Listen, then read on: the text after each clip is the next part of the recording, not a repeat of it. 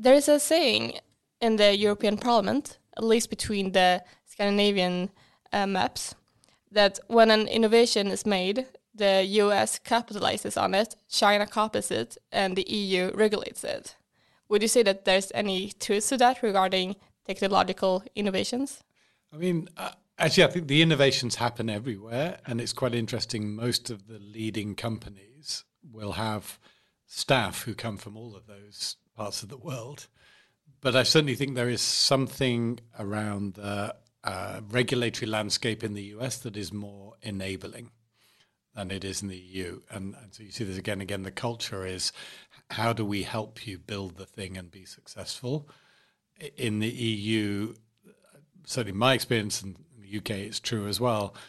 There's more of a feeling of let's look at all the things that could go wrong and let's make sure we've planned for all of those. So it's higher risk, I'd say, higher risk, higher reward culture in the United States. And uh, that's what we will talk about on today's episode.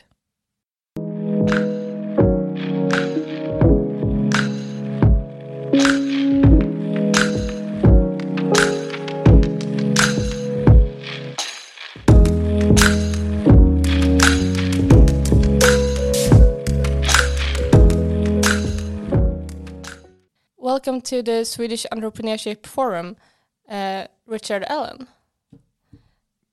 You are a member of House of Lords in the Great Britain.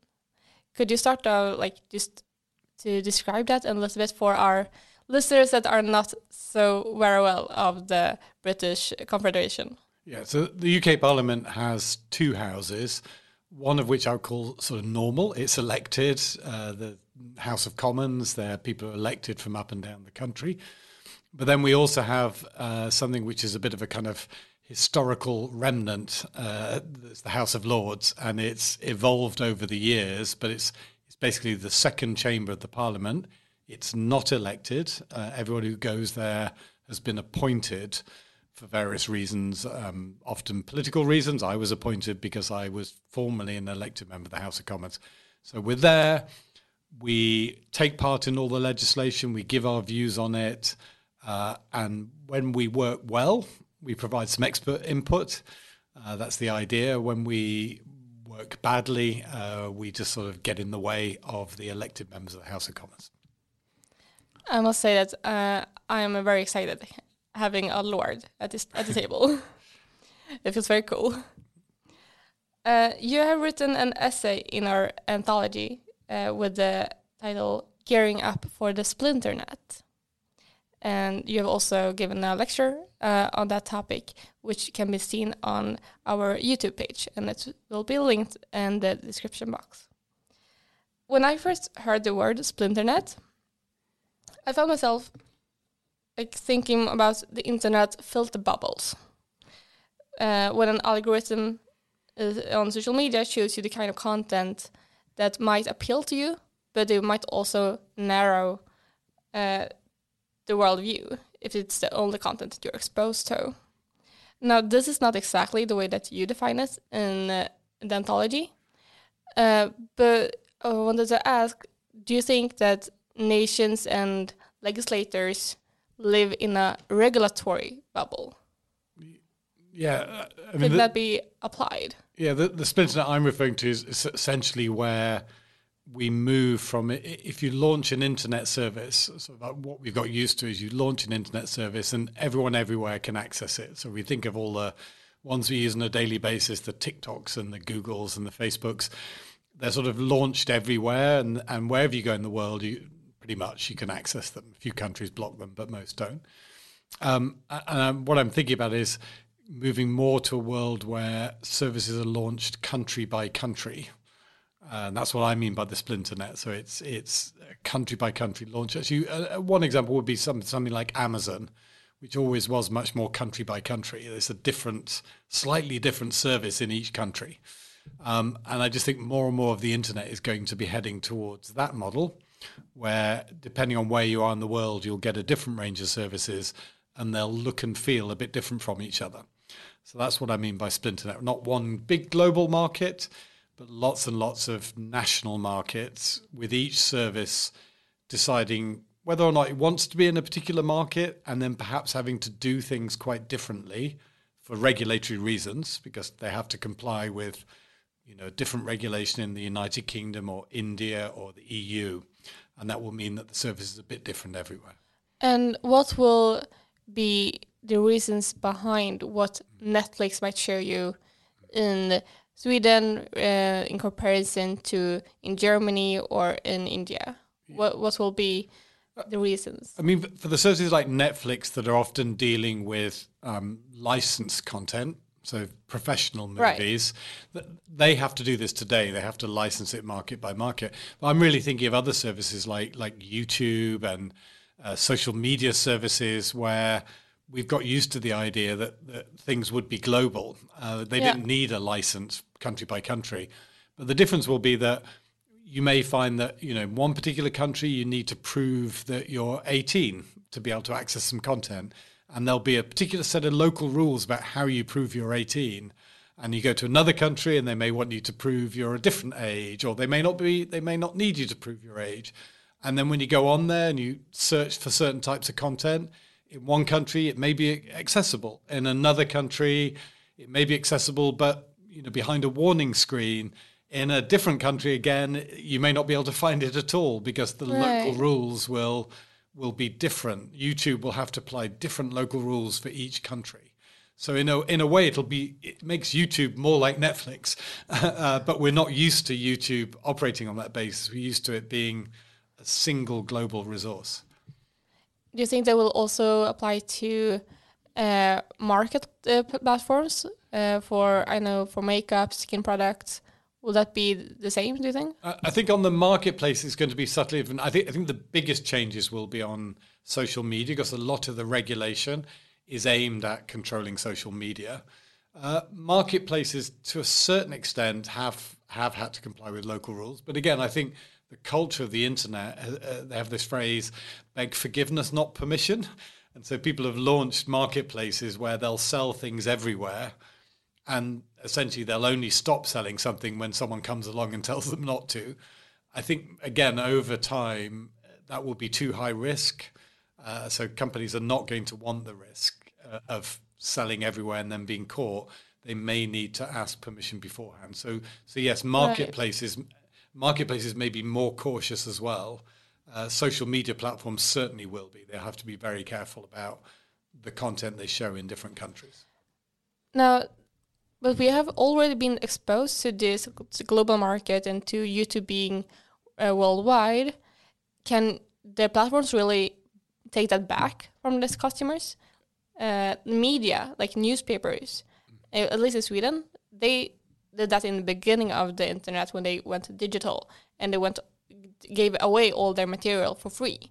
And then then after that, they tried to uh, put on payments and barriers but then they dropped in revenue instead uh, because the customers got used to ge- getting the news for free. Yeah, their content for free, and now then they want them to pay for it. Or th- is this the same that you're uh, explaining that they will take away something that we, as customers, have once had? Yeah, I think that's one of the big questions for the regulation and whether or not they get it right. Because you're right, people are used to very frictionless access to all sorts of things and a lot of the regulation adds in friction. That's what regulation typically does. Actually, it it sort of creates extra friction for certain products and services. And I think one of the big questions is whether or not the regulators get that balance right. So, so uh, there is a world in which things look very much like they are today. For the ordinary user in Sweden or anywhere else, they'll just access the services like they did. But maybe something somewhere at the back end, the service is doing its compliance work, it's doing risk assessments or controlling things.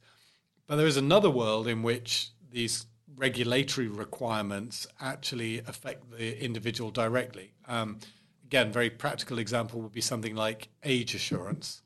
So a lot of the regulation says don't show bad stuff to kids, which most people would agree is reasonable. But if they say, okay, the regulator says in order to make sure somebody's not a kid, you need to get all of your users to scan their passports and upload them.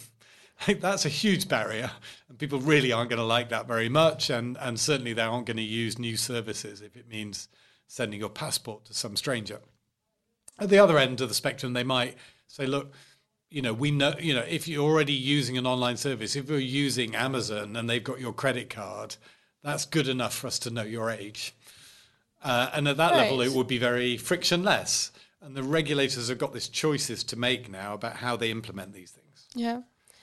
Um, something I thought about when I listened to the seminar uh, earlier today was that when you explained the nationwide uh, re regulations, I thought about the differences and variations within that nation.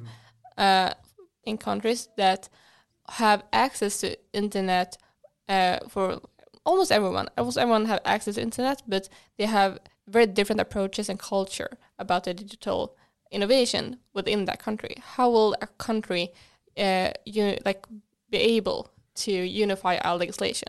Yeah, I think this is going to be one of the big challenges for the regulator. So I used to work in an internet company and, we had to deal with people's expectations all the time, and you often disappointing them. They came to you because they were frustrated. They thought you'd left things up that you shouldn't leave up, or taken things down you shouldn't take down. And you, you you're right. People have very different views. Some people are very sort of conservative. Some people are very liberal. So they have very different views about what should be happening online. And now some of that responsibility transfers to the regulators. And so citizens are going to be going to the regulator, and you're absolutely right. They won't all speak as one. They'll have very different views, but the regulator is going to have to rationalize that. Um, certainly in the UK, the regulator doing this is the one who's been regulating broadcast television and radio for a long time.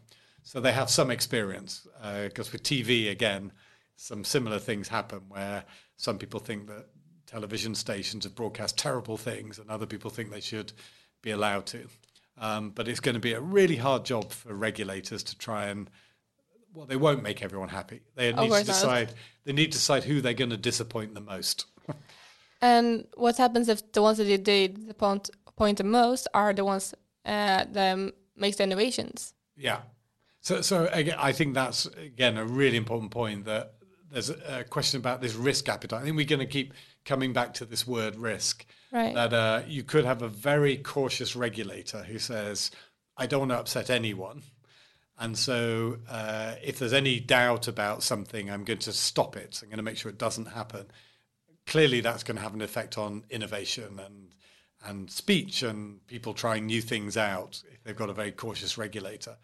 Um, at the same time, if the regulator is too hands off, they're going to upset a bunch of people who say, well, what was the point in having a regulator? Because all this oh, bad stuff's happening. So I think regulators finding out the sweet spot where they're meeting public expectation, but they're not, you know, suppressing innovation or unnecessarily interfering. That's going to be again one of the really difficult challenges for them. Now, uh, moving on to the next part of the questions, uh, I've written the headline uh, in my notes uh, speech, Twitter, Trump, and liberty. Yeah. When Trump got cancelled off Twitter in 2021, uh, it was a long debate first before he got cancelled, uh, and then afterwards, uh, because the people they got upset because oh the people on on Twitter that got that not that was not cancelled, uh, and might have been just as morally uh, bad in some way. Uh, that and like how can a platform like like this like keeping relevant mm. to its customers when the both the informal and formal legisla legislations gets tougher and keep its importance do you think that twitter will stay as an infrastructure or will we have different platforms in different countries yeah, I, I think the, I mean a couple of really interesting questions come out of that. I mean, first is just on those decisions. Again, that was a classic decision before some of the platforms closed Trump's accounts. Everyone was screaming at them, going, "Why aren't you closing his accounts? You're enabling this guy who's going to cause all of this social disorder." And then you close accounts. They're like, "How dare you close his accounts? He's a president, and you, you know, who are you, tech platform?" And it, again, it just shows how difficult these decisions are and the, there is an argument on both sides. There's an argument, you know, a moral argument for a platform that they don't want to be offering their service to somebody who's provoking riots, um, you know, all kinds of social disorder. At the same time, there's a moral argument to say that they they should enable elected politicians to have a voice. So you you it's not clear cut in in either direction. Again, I think what the regulatory framework does is move more of those decisions from the platforms to somebody else. And frankly, I think the platforms will breathe a sigh of relief. Say, look, right. if you, the regulator, want to make that decision, that's much much better. But it still does leave them. You know, platforms are not. They don't live in a moral vacuum. They have staff. They they have values, and I do wonder if over time uh, I've looked at this and thought, you know, for, for in the newspaper world, in most countries, newspapers have a political flavour. They all say we report the news, but you know, all the right wing people buy one newspaper and all the left wing people buy another newspaper. Social media, like Twitter and Facebook, for years have said it's for everybody. And I do wonder, to get into your question, whether that's sustainable and whether over time you won't end up, you know, whether whether you c- cannot take sides. Are you allowed to not take sides, and whether ultimately we'll end up with a right wing social media and a left wing social media, just like we do with the newspapers. Personally, I think that's a bit sad because it was nice to have places where people can meet, but I do wonder whether it's not, you know, just a, a sort of inevitable consequence of how we organize as humans, and and uh, if you work for a platform, you know, when you're getting beaten up by both sides all of the time, the, the, it's the easier thing to do in a way is that, oh, I'm just going to pick one side. And then at least I've only got one lot of people shouting at me rather than two lots. Uh, very interesting uh, that the platforms themselves, of course, do not not want to be judges or mm. uh, act as courts. Uh, must be easier to uh, pass that on to someone else. Um, do you think like these platforms will play out their own roles? Yeah, I, I, mean, they're still actors within it. And if you look at most of the regulatory frameworks, certainly in democracies, and, and we'll have regulatory frameworks in all kinds of countries, not all of them democratic, but in, in the democracies, they tend to say, look, here's a baseline. You've got to deal with the worst kinds of child abuse content and terrorist content and certain right. things. But beyond that, you have got some freedom to decide are you more pro free speech? Do you want to allow you know really bad language. So, so use the analogy. You know, do you want to do you want to be sort of quite wild in terms of as long as it doesn't go too far, but allow people to swear and be really aggressive with each other, or do you want to be more uh, sort of family friendly, Disneyfied platform? And and you're allowed to choose. You're not being told. Uh, you either have to allow all speech, or you have to restrict everything. You're allowed some kind of freedom. So I think that the better regulatory frameworks at least at least will allow that that variation because I think that's quite an important part of the market. I think we should have the choice, you know, which kind of platform we want to go to, as long as they meet the baseline standards. And the the nationwide relations on freedom of speech today mm. they vary a lot. Uh, the in Sweden we have very high, uh, yeah, high roof. That's right. I'd say it. Uh, while in uh, I know that, for example, Germany, yeah. they have uh, lots of different sayings that are illegal to actually pronounce. Uh, so this would be very, this would be very interesting to see how the EU could, yeah, could unify in this, uh, and how the companies can vary the, can, can deal with the variation. Yeah.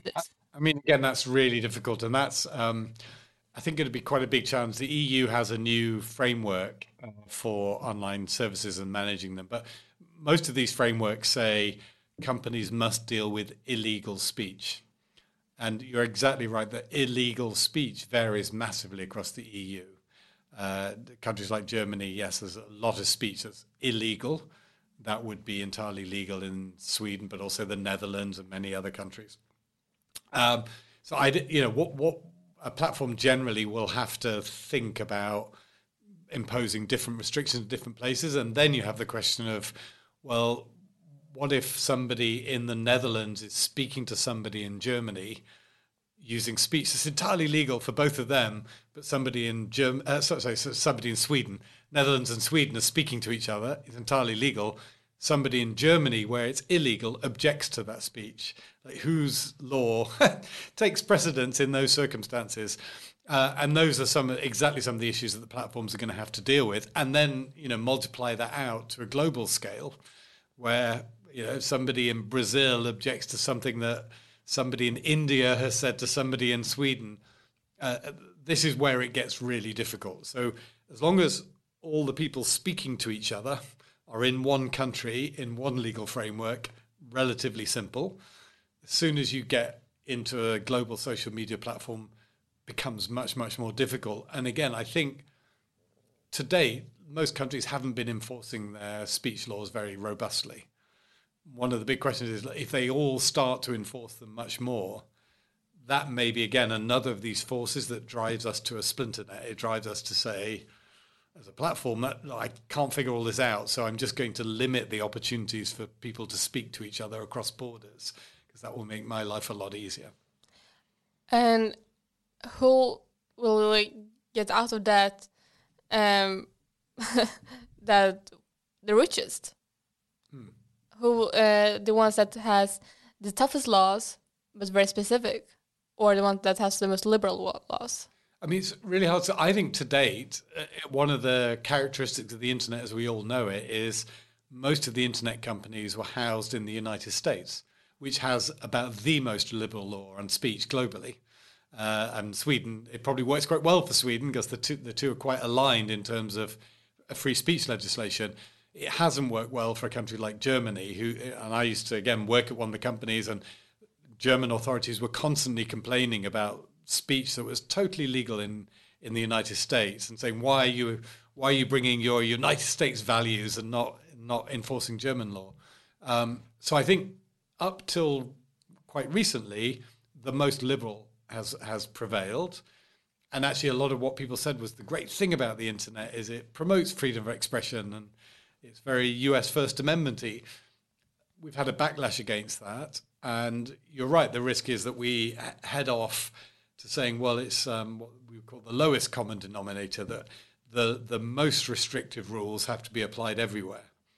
And that there is a risk of that. And I think we've got to be very careful we don't swing from one end of the spectrum most liberal to most restrictive. Uh, some, and that's again why I think in some ways we need this patchwork. The the splinternet is not ideal, but if it's necessary, if some countries want to really restrict speech, then it's probably better only to restrict the speech in those countries, even if it means a splinternet, than it would be to restrict that speech everywhere. And already today, uh, there is kind of a uh, sub internet where you can quite easily go around this Netflix variation yeah. countrywide that's kind of well known. Do you think that these regulations will play any role in the formal life, or will people like change their VPNs and find new ways? yeah.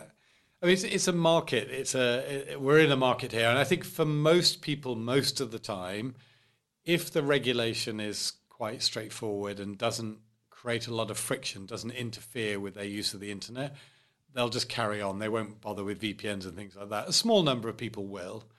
I think this is one of the big open questions for the regulation. If it, if your regulation is too strict, uh, then it'll drive more people to try and get around it. So that example of the age assurance, if it's you've got to send your passport in if you seem to be accessing YouTube from Sweden, well, the obvious thing to do then is go, well, I'm not going to send my passport in. I'll just pretend to be accessing YouTube from America by using a VPN. So that's why we've got to get this balance right and not not drive people off to the VPN. And then that happens, the only way the Swedish government would be able to enforce things is to ban VPNs, and then they start to look like China. And I don't think they want to go down that path. So, so if you ask people to do reasonable things that don't cause them too much pain, uh, and they can still access the services they know and love, I think everything will be pretty smooth. If, on the other hand, the regulators go too far, you're right, they'll drive people to try and find workarounds, uh, whether that's a VPN or anything else, just to get around the regulation. Then everyone loses because you don't get then any of the benefits. You get the costs of everyone having to go off and find a way around but you don't even get the benefits because people aren't going through the regulated path you wanted them to go through. And when uh, you explain these nationwide uh, re regulations and the barriers that we will have, might have, uh, talking to each other's uh, between different countries, it sounds like we're going to be more and more isolated in countries wide. Yeah. And uh, the UK have been outside of EU, the EU now for I don't know four years or something like that. Uh, too long. Too long, way too long. Uh, do you feel more isolated in the UK now than before Brexit? And I feel like that might be uh, a taste of how internet regulations on different countries might appear. I think that is a risk. I mean, um, so on the sort of speech front, we haven't yet been excluded, although I understand that there's roaming charges now, which makes it more expensive to speak in different countries. Really? There's roaming charges? Yeah, I mean, the, the, the telecoms companies only didn't charge roaming because the EU regulation prevented them. And now there's no EU regulation. They're like, oh, we'll charge whatever we can. So if you come to the UK now, your company will charge you roaming. If I go to the EU, I get charged roaming. Uh, so it's ridiculous. Anyway, so yes, it's become more expensive to speak with each other. But the area that's sort of the leading edge, is, uh, that where we can see some of this playing out, is on the movement of physical goods, where your you know your little business at home who makes something and then was selling it over the internet in the UK previously, they would find that really easy to do to the EU and vice versa. Somebody in the EU would just sell to the UK. Now, particularly from the UK out to the EU. There's lots of paperwork to do. If you if you post somebody something, and you, you, there's a customs declaration. There's all of this like you know, additional bureaucracy, and that's definitely slowing things down. You're right, and and is reducing trade between borders. The same could happen with the regulation around social media companies and messaging if we get it wrong, where uh, it reduces cross-border communications because it's actually more expensive in some way. You know, the platform has to do more work to comply with two right. regimes. Or I think actually the data protection law is a particular risky area. If it suddenly becomes problematic, you know, to store data in the UK or the EU of people from each block, then you know, again, if you have to set up a brand new data center to talk to people in the UK, maybe companies aren't going to bother doing that. Um, so that that sort of thing, I think, is the whole chain will be less global. The whole chain will be less global. It's just it's more friction and more expense. Uh, and, and I say regulation typically introduces friction into any business. That's what it does. Um, but in the internet, it's sort of going from a relatively frictionless world. You've got to be very careful as you introduce the friction not to go too far. It's a bit like you know with cars. If you'd if you'd you know come along all in one blow and said we need now to change the way that you build cars and stick the seatbelts in and the airbags and you know all of these things all at once uh, back in the 1960s that would have been problematic what we saw instead was the regulation of cars right. increased incrementally over the years so that each change didn't break it right and the risk here is that we do so much change at once, we end up yeah. breaking the internet because the cost of doing all those changes really quickly it, it becomes too much for companies to want to offer their services everywhere. Thank you, uh, Richard. Uh, it's been lovely talking to you, and you can find and read this uh, uh chapter of the uh, anthology uh, on uh, our website and it will be linked down below. Uh, thank you so much. Thank you.